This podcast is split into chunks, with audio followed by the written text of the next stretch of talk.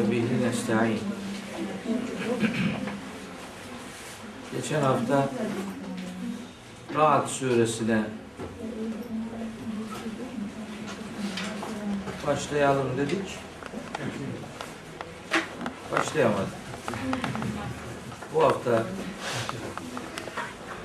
her ikisini birden telafi etmeye gayret edelim. İki haftalık bölümü.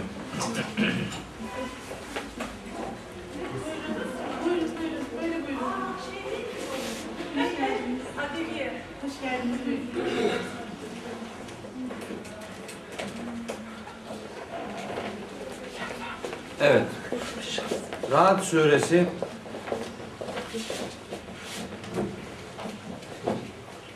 gök gürültüsü anlamına gelen rahat kelimesinden adını almış.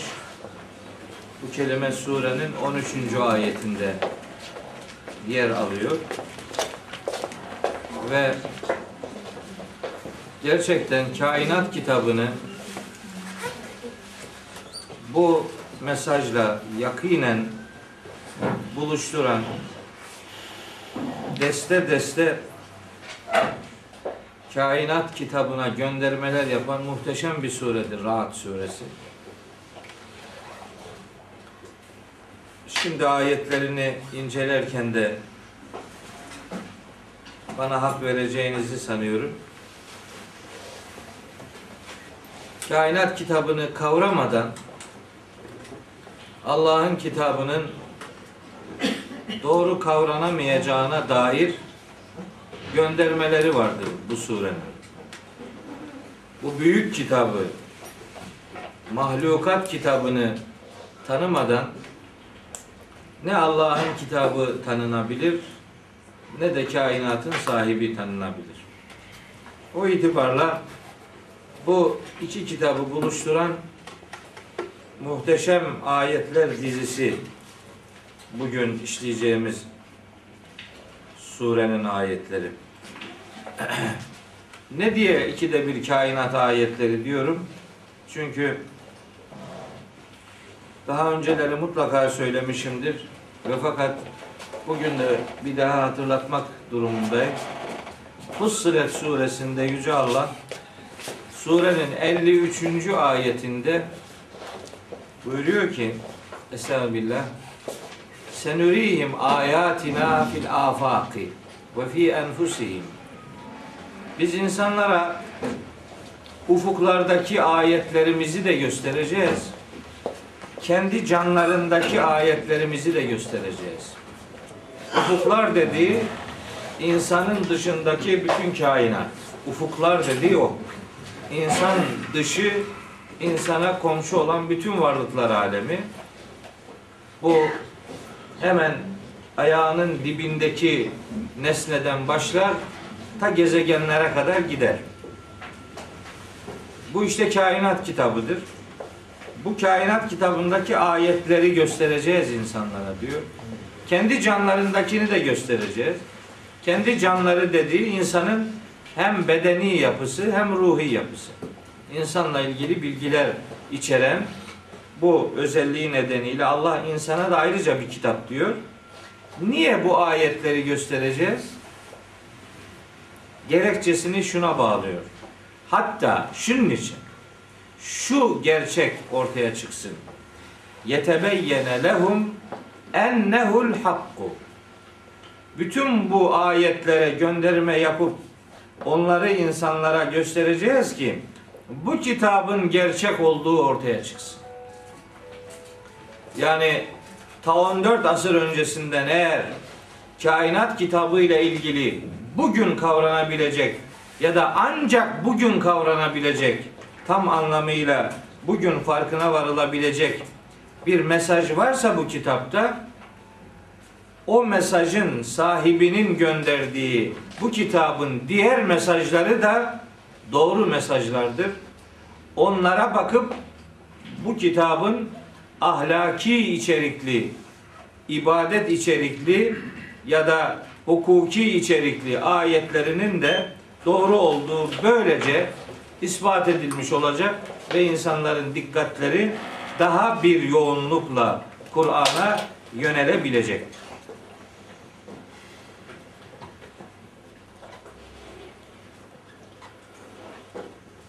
Tabi Nemil suresinde var bununla ilgili başka bir ayet. Yasin suresinde var daha başka bir ayet. Zariyat suresinde var. Ama onlara girmeyeyim. Şu ayet meramımızı anlatmaya yetişmiş olsun. Şimdi bakın Rahat suresinin birinci ayeti şöyle başlıyor. Elif, la, mim, ra. Elif harfine, lam harfine, mim harfine, ra harfine yemin ederim. Harflere yemin ediyorum demiştik. Ya da başka manalar vermiştik. Tilke ayatül kitab. İşte şunlar kitabın ayetleridirler. İşte şunlar kitabın ayetleridirler. Hangi kitabın ayetleri?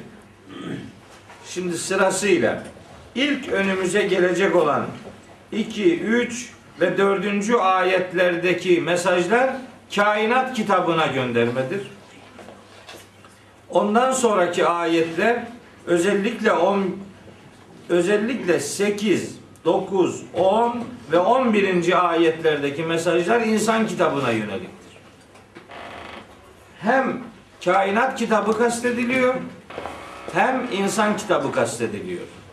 Hem de bu kitaplarla ilgili göndermelerin bulunduğu ilahi mesaj yani Kur'an kastediliyor. Buradaki ayatül kitap, kitabın ayetleri ifadesi içi üç kitapla doldurulur. Bir, kainat kitabı.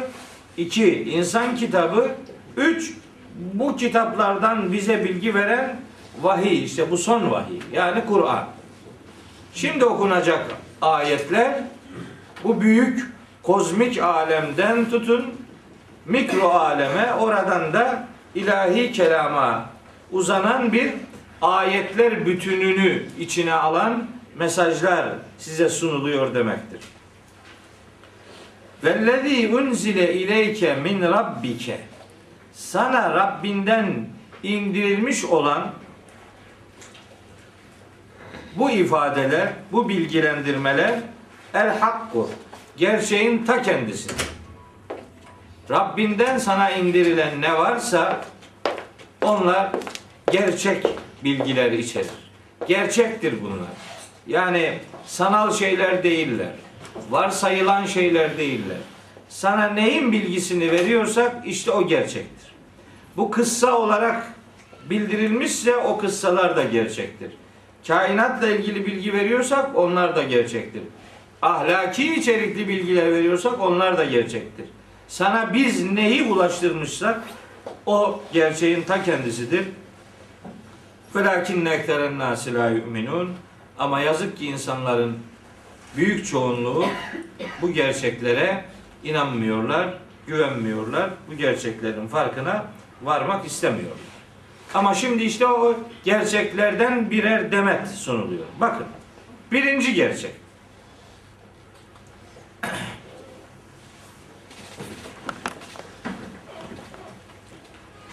Benim en baba ayet tanımlamalarıma uyan bir ayet şimdi bu. Allahu'llezî rafa'as semavati Öyle hesapsız yazarsan olmaz.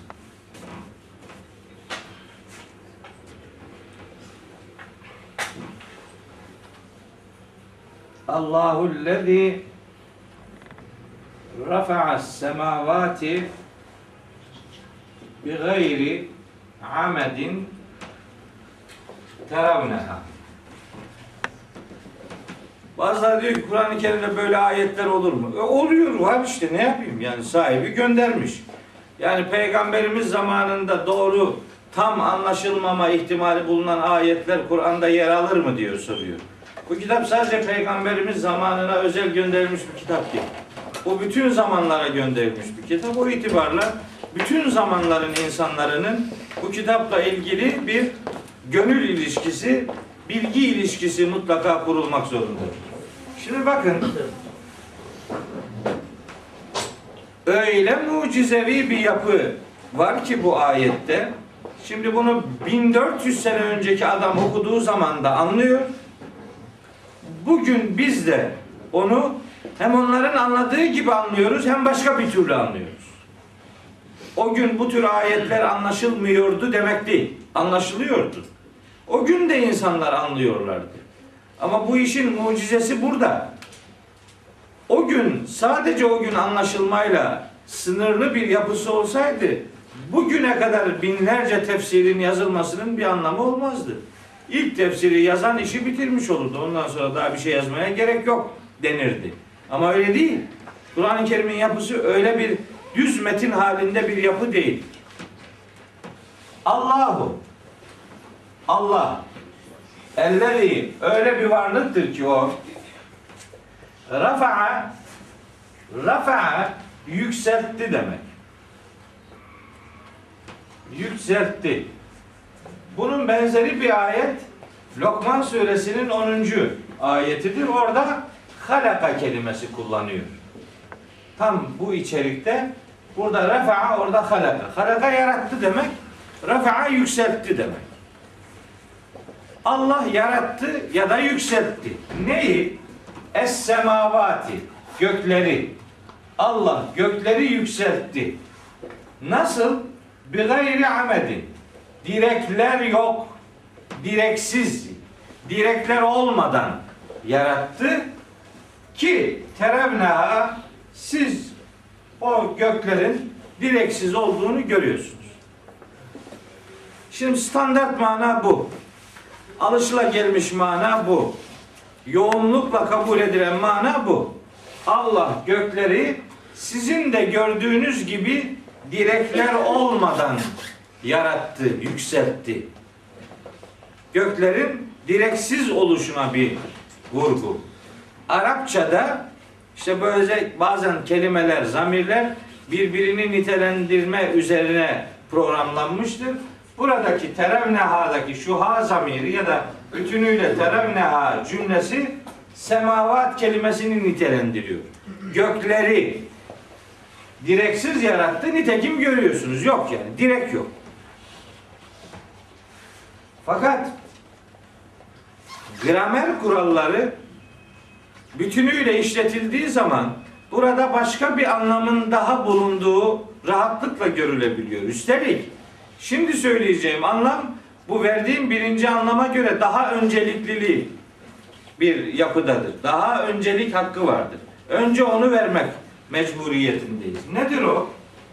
Şimdi kuraldır Arapçada. Kural. Zamir eğer bir cümlede birden fazla kelimeyi nitelendirebiliyorsa eğer yani o dediğin zaman iki kelimeyi de ifade edebiliyorsa eğer kural onu yakınına gö- göndermektir. Yani ona en yakın kelime hangisi ise uygun kelime ona göndereceğiz. Şimdi bu terevnehayı biz semavata gönderdik. Yani daha bir önceki kelimeye gönderdik. Acaba bu daha yakınındaki kelimeye gidebilir mi? Ahmet kelimesi var en yakınında. Oraya gidebilir mi? Ahmet direkler demektir. Ahmet kelimesi imad kelimesinin çoğuludur. İmad direk demektir. Ahmet direkler demektir. Bu cümle şunu nitelendirdiği zaman ayetin anlamı tamamen değişiyor. Hiç birinciyle alakası olmayan bir anlam söz konusu oluyor. O zaman anlam şu. Allah gökleri sizin görebileceğiniz direkler olmadan yükseltti. Sizin göreceğiniz direk yok. Siz göremiyorsunuz. Aslında aslında direk var. Ama sen görmüyorsun. Sen göremiyorsun. Siz göremiyorsunuz. E canım ne fark var? Ne demek ne fark var?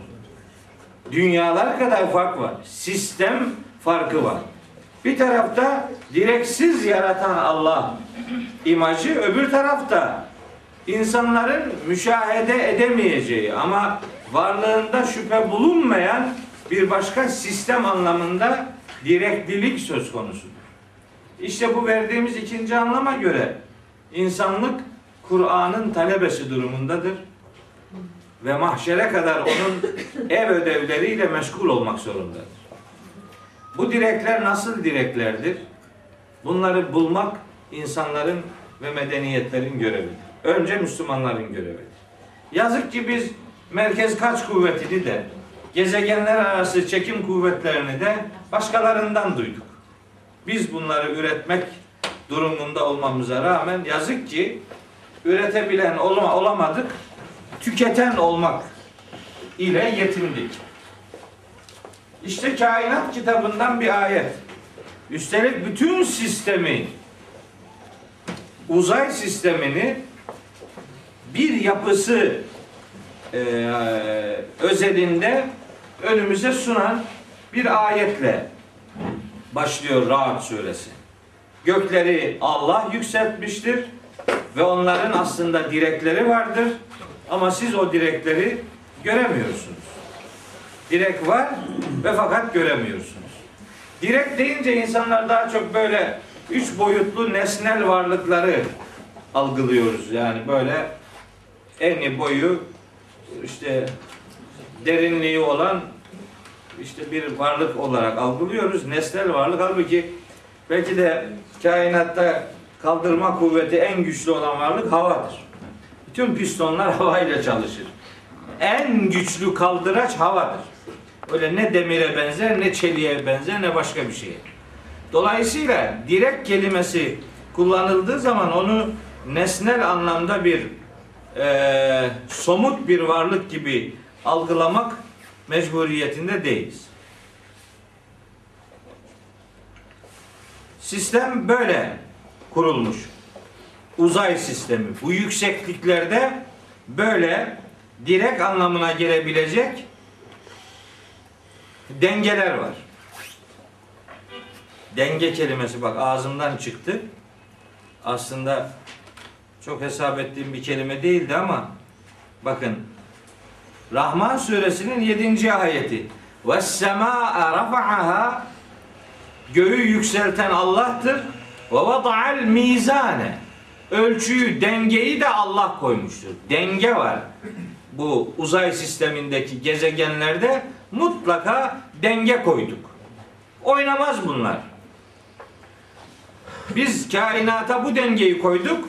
Ella tetgav fil mizani siz de bu dengeyi bozmamada azami dikkat gösterin diyor.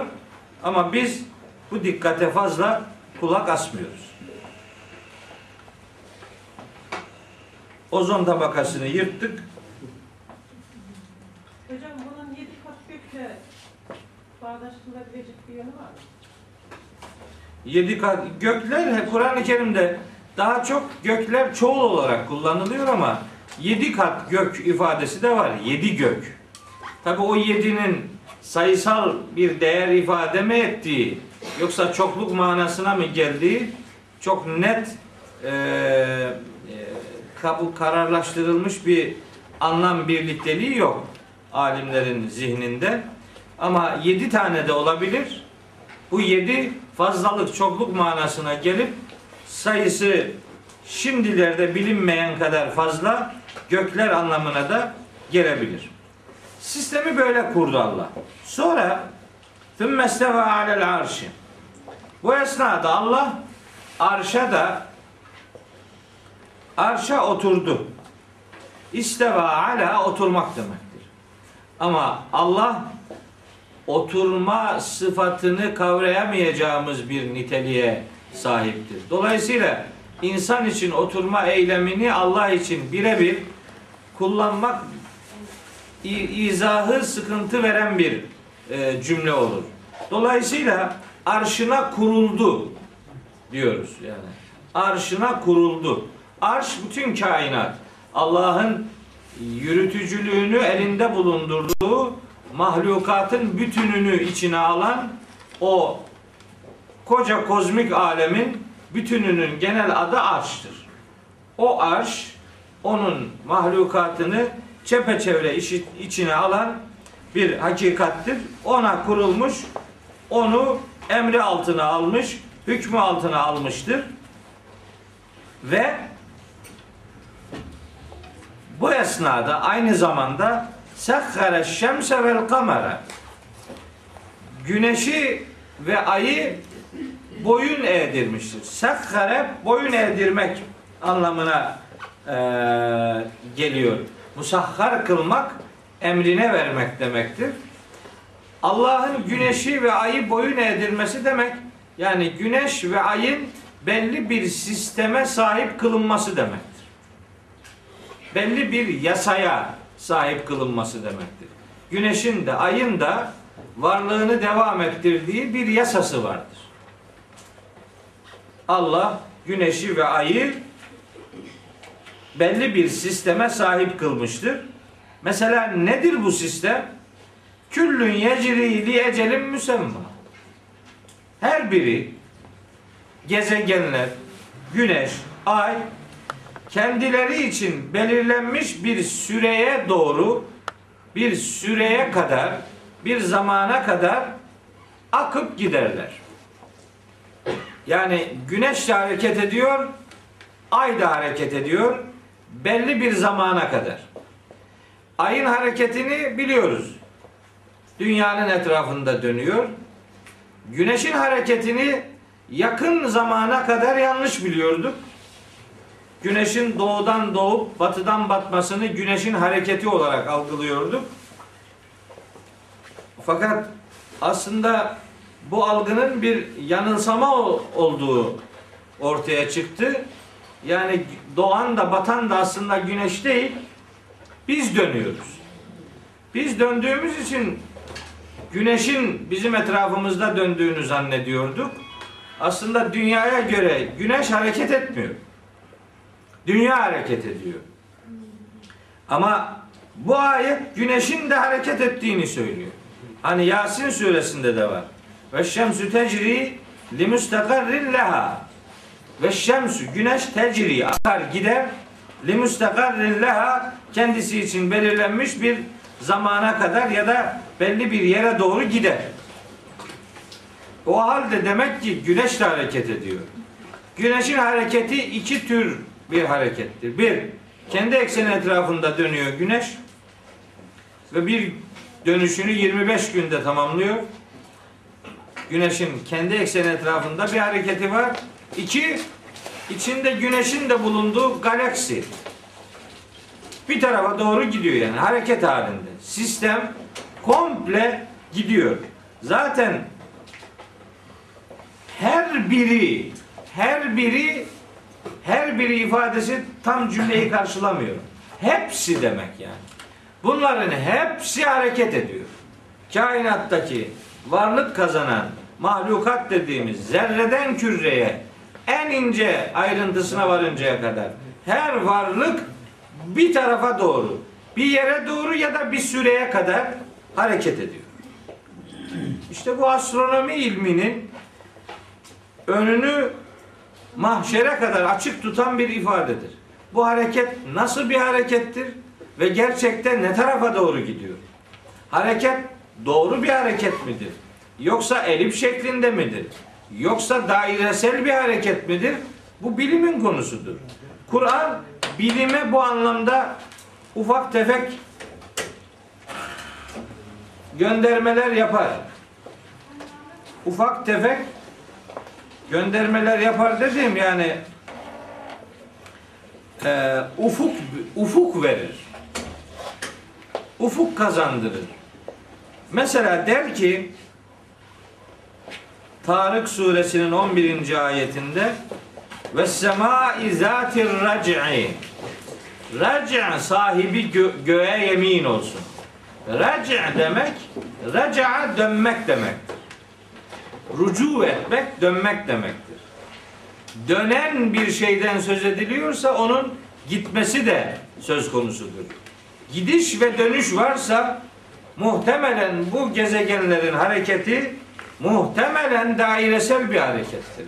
Yani bir dönme hareketi kendi sistemi içerisinde devam ediyor demektir. Bizim kelimelerden hissedebildiğimiz manalar var ama bunu bir bilimsel gerçeklik olarak işte dünya şöyle hareket ediyor. Yok bilmem gezegenler tam da şuraya doğru gidiyor diye biz nokta bilgi sahibi değiliz. O işte bilim adamlarının yani bu kainat kitabıyla ilgilenen tabiat ilimleri konusunda eee meşguliyet sahibi olan o adamların işi bu iş. Biz kitabımızın onlara, bize, hepimize böyle bu kainatla ilgilenmemiz gerektiği noktasında emirler yüklediğini biliriz. Becerebiliyorsak bazı işaretler görürüz. İşte deriz ki mesela güneş hareket ediyor. Bu nasıl hareket ediyor? O bilimin işidir. İşte sistem bir tarafa doğru gidiyor. Belirlenmiş bir süreye doğru gidiyor. İşte o gidişin ne kadar süreceğini, nasıl bir gidiş olduğunu onu gene bilim tespit eder. Kur'an bilime işaret verir. Onun önünü, yönünü açık bırakır. Ara ara yardımcı olsun diye bir takım katkı ifade edebilecek cümleleri de devreye sokar. Dönüş sahibi gök hareketin gidişli dönüşlü oluşuna bir işarettir. Bilim adamlarına önemli bir ev ödevidir işte. Bak bir ayette kaç çeşit kainat kitabı ile ilgili ödevler var. Yüdebbirul emre. Allah bütün işleri idare ediyor. Yüdebbirul emre yani kainatı çekip çeviriyor yani. İş onun elindedir. O debbere yüdebbiru işi bir hakkın yerli yerinde yapabilmek demektir. İşi çekip çeviren Allah'tır. O yapıyor bütün bu işleri. Bunların sahibi odur. Yufassirul ayati. Böylece ayetlerini de açıklıyor. Tafsilatlı bir şekilde. Detaylı bir şekilde ayetlerini de ortaya koyuyor. Lealleküm bilikai rabbikum tuqinun. Umuluyor, umulur ki veya umuyor ki Allahu Teala siz Rabbinizle karşılaşacağınıza kesin kez inanırsınız. Yani bunca kozmik alemi idare eden Allah kendisiyle insanların yeniden buluşacağı ahiret hayatını da yaratmaya kadirdir. Aslında dert bu ölü gibi görülen e, bu kainatın aslında diriltilmiş halinin bize gösterildiği mesajını verip insan hayatı da bu varlıktan sonra yeniden bir rövanşa mutlaka sahip kılınacaktır. Bütün dert Allah'a ve ahirete imanı sağlamaktır. Mekke surelerinin asıl derdi budur. Allah'a iman ve ahirete iman. Başka iman esasları da var ama asıl dert bu iki değere inanmaktır. Allah'a inananlar onun istediği gibi yaşarlar. Onun istediği gibi yaşayanlar ahiret buluşmasına gönülden inananlar olacaktır. O itibarla dert bu iki iman esasını sağlayabilmektir. Şimdi o kozmik alemden geliyor. Üçüncü ayet geliyor tam yanımıza. Bu defa diyor ki ve huvellezî işte o Allah öyle bir varlıktır ki meddel erda yeri med etmiştir. Yeri med etmek demek medde yemuddu böyle yaymak, uzatmak, en, enlemesine şekillendirmek demek. Yani gökler böyle üst üstelik arz ederken yer genişlik arz ediyor. Bir dik, bir düz eee, boy- boyuttan söz ediyor. Dikey düzlem, yatay düzlem. Dikeyine birkaç noktadan temas etti sonra geliyor bura. Buna biz eğitimde çok önemli bir isim veriyoruz bu böyle bir anlatım tekniğine. Her eğiti- eğitimle uğraşanlar bilirler. Eğitimde çok önemli iki metot vardır. Bir, yakından uzağa metodu. Yani somuttan soyuta gidebilen bir metot. Yakında görüldüğünden uzağa doğru sonuç çıkartabilmek. Yakından uzağa ya da bunun tam tersi uzaktan yakına metodu. Burada uzaktan yakına metodu kullanılıyor. Önce sistemle alakalı bilgi veriliyor, sonra geliyor gök sisteminden yere. Yeri genişlemesine yaymış Allahu Teala ve ceale fiha ravasiye ve yeryüzüne ravasi koymuş. Ravasi Ravasi aslında ağırlıklar demektir. Rasiye kelimesi ağırlık anlamına geliyor. Ravasi kelimesine dağ manası veriliyor. Dağlar deniyor ama Arapçada dağ kelimesi cibal kelimesiyle karşılanır. Cibal dağ demektir. Cebel işte biri tekil biri çoğul dağ anlamına geliyor. Revasi kelimesi ise ağırlık demektir. Şimdi böyle olunca iş değişiyor. Dağ deyince mana değişiyor. Ağırlık deyince mana daha bir başka bir değişiklik arz ediyor. Ağırlık olunca muhtemelen kastedilen mana kutuplara yönelik yapılan baskılardır. Yeryüzü iki baskının arasındadır. Kutuplarda böyle baskılar vardır. O baskılar mağmanın dengede tutulmasını sağlayan baskılardır. Yani kutuplarda baskı olmasa yani yerin içindeki o mağma kontrolsüz bir şekilde dışarı fışkırabilir. Dağlar sağa sola savrulabilir. Yani o çakılı nizam kendi varlığını kaybedebilir. Böyle ağırlıklar var. Sistemi öyle kurmuş Allahu Teala. O ağırlıkların nesnel olanına dağ diyoruz, o başka. Ama bu genelde ağırlıklar, baskılar anlamına geliyor. Yeryüzünde böyle baskılar var, denge unsurları var. Mesela şimdi hemen aklıma geldi, sonra unuturum veya başka bir vesileyle söyleyemeyebilirim. Nahl suresinde buyuruyor ki yeryüzüne Allah ağırlıklar koymuştur. Sizi sarsmasın yeryüzü diye. Nahl suresi 15. ayet. Entemi de biküm sarsılmayasınız diye. Savrulmayasınız diye. Şimdi dünya o kadar hızlı dönüyor ki aslında o kadar hızlı dönen dünyada hiçbir şeyin yerinde duramaması lazım. Ama o ağırlıklar o sistemin sahip kılındığı o özellik insanın savrulmasını engelliyor. Bir savrulmamayı sağlıyor. Bir de hani last, araba lastikleri var ya arabanın lastikleri. Şimdi onu hani balans ayarı yaparız onu. Dağlar yeryüzünün balans ayarlarıdır. Aynen balans işini görüyor dağlar. Nasıl bir şey bu? Şimdi mesela balansçıya gittiğimiz zaman onu döndürüyor şeyi, tekeri. Bakıyor ki işte bir tarafta hafif yalpalama var bir tarafa doğru. O yalpalamayı dengelemek için canta şey çakıyor. Öyle kurşunlar çakıyor küçük küçük. gram. Küçük, Gram olarak yani. E, evet. 5 gram, 10 gram, 1 yani gram. gram olarak or, or- orayı dengeleyecek şeyler çakıyorlar. O, çok küçüktür lastiğe göre o. Ama sistem hareketliliğe dönüşünce lastik ağırlığını kaybediyor. O küçük birkaç gramlık şey kurşun koca lastiğin ve bütünüyle arabanın dengesini sağlıyor. Dünyanın dengesini savrulmamasını ve sarsılmamasını sağlayan da dağlardır. Dağlar dünyanın balans ayarlarıdırlar. Sahibi öyle diyor. Sarsmasın sizi diye dağları buraya çaktı. Hem de çakmak kelimesini kullanıyor biliyor musunuz? Lastiğe kurşun çakmak gibi. Aynen öyle. Nazihat suresinde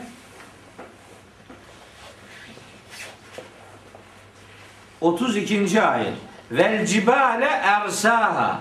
Allah dağları dağları yere çaktı diyor. Ersa çakmak demek. Yere dağların çakılması lastiklere kurşun çakılması gibi bir şeydir.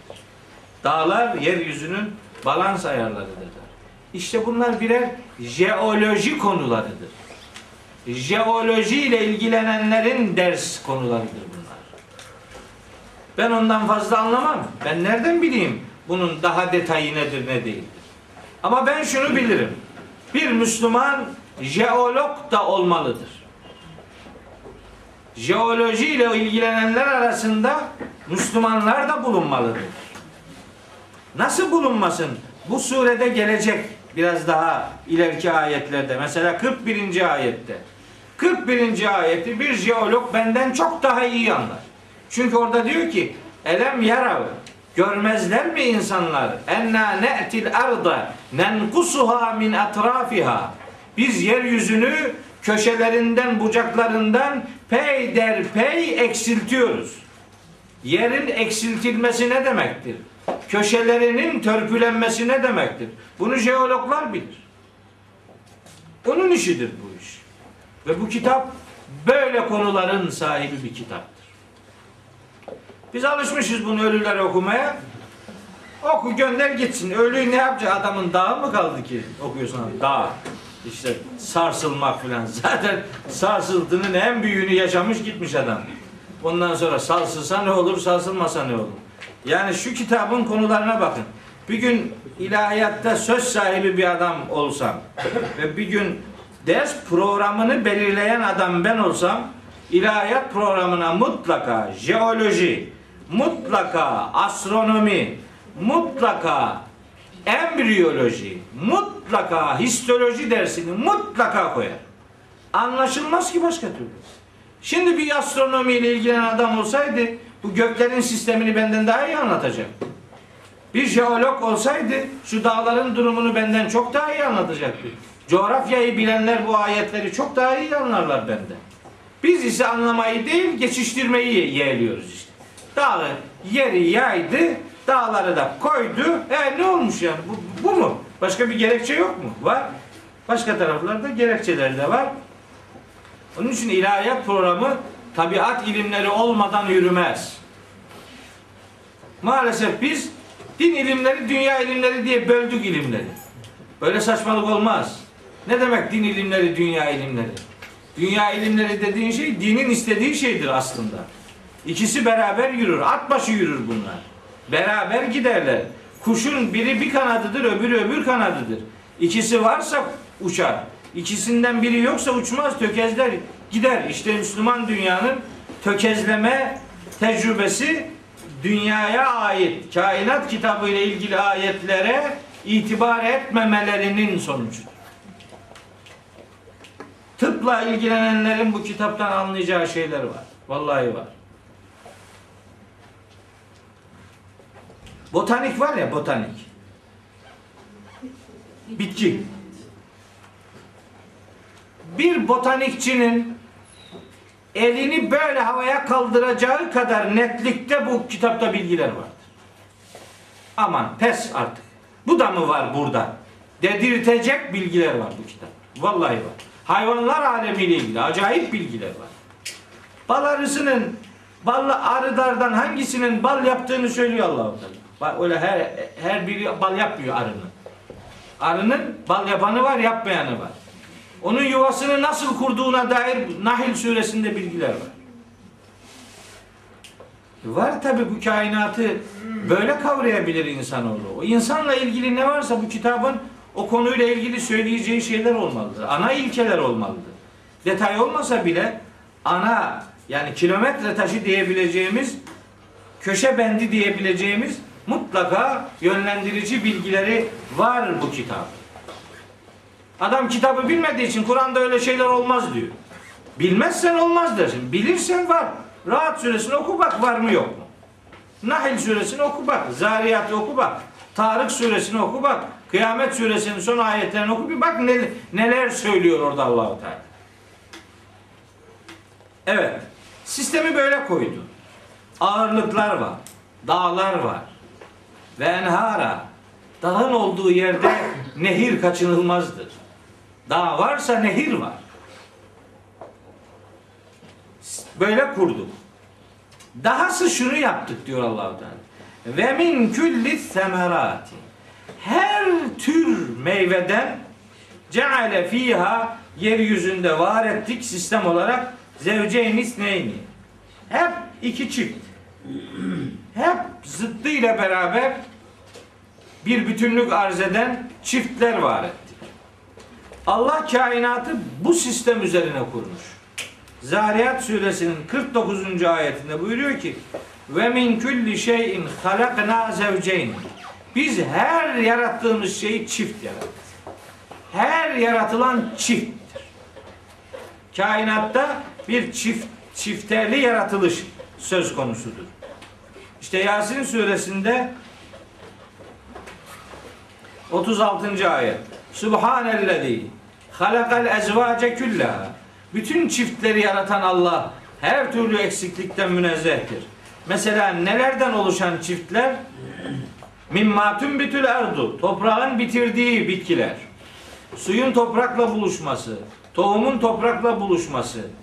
Yani artı eksi yüklü hücrelerin birbiriyle buluşması. Güneşin toprakla, bitkiyle buluşması. Her biri bir başkasıyla bir çift oluşturur. Ve min enfusihim insanları da çift yaratılmıştır. Bir insan ya erkektir ya dişidir. Arada öyle defolular da çıkmıyor değil yani. Çok nadir de olsa öyle ufak tefek. Niye onlar oluyor? Bir hastalıktır. İnsanlar tedavisini bulsunlar diye. Yani imtihan imtihan sadece standart sorulardan oluşmuyor. İmtihanın soruları çok farklı. Herkes sorusuna göre imtihana tabi tutulacaktır. Herkes aynı soru sorulmayacaktır. Ve mimma la ya'lemun ve henüz bilemedikleri daha nice çiftler yarattı Allahu Teala. Henüz bilemedikleri bak. Yasin 36. Henüz bilemedikleri ne demek? Daha sonra bilecekler. Daha sonra ne kadar bilirlerse bilsinler ama gene bilemedikleri olacaktır. Fakat henüz bilemedikleri demek bilinebilir onlarca şey var demektir. Bilinebilir onlarca şey var demektir. Bakın Neml suresinin 93. ayeti ve kul elhamdülillah hamd Allah'a mahsustur de. Sevriküm ayatihi Allah ayetlerini size gösterecek ve ta'rifuna ve siz onları tanıyıp bileceksiniz. Bileceğiz. Ucu açık bir mesajla buluşturuluyoruz. Yani bilinebilir bir alemle iç içe yaşıyoruz. Bilinebilir alemin sahibini bulmak için işte bu ayetler bizim önümüze bir takım hakikatler sunuyor. Peki ne oluyor başka? Mesela çift yaratılan şeyler deyince akla ne gelir? Ay, güneş, gece, gündüz, yer, gök, melek, cin, insan, insan, cin, mesela nefs, ruh gibi yani. Böyle çift oluşlar vardır. Onlardan birine temas ediyor. Buyuruyor ki yuşil leylen nehara. Ve işte o çift yaratılmışlığın örneklerinden biri olan gece ve gündüzü de Allah birbirinin üzerine örtüyor. Geceyi gündüzün üzerine örtüyor. Sadece gece gündüzün üzerine örtülmeyle ifade edilmiyor. Mesela Araf suresi 54. ayette yuhşil leylen nehara yatlubuhu hasisen birbirini ısrarla takip eden geceyi gündüzün üzerine doluyor Allah. Yani hiçbir zaman sadece gündüz yok, hiçbir zaman sadece gece yok. Gece ve gündüz birbirinin ısrarlı takipçileri olarak birbirini tamamlayan iki eş birbirinin eşi kavram olarak zikrediliyor. Uzaydan, yeryüzünden geldi, sonunda şöyle diyor. İnne fî zâlike. İşte bütün bu anlatılan şeylerde var. Le ayatin. ibretler var. Li kavmin yetefekkerûn. Bir şeyin farkına varmak isteyenlerin bulabileceği nice ibretler, nice mucizeler vardır. Bu anlatılan hususiyetler içerisinde. Evet.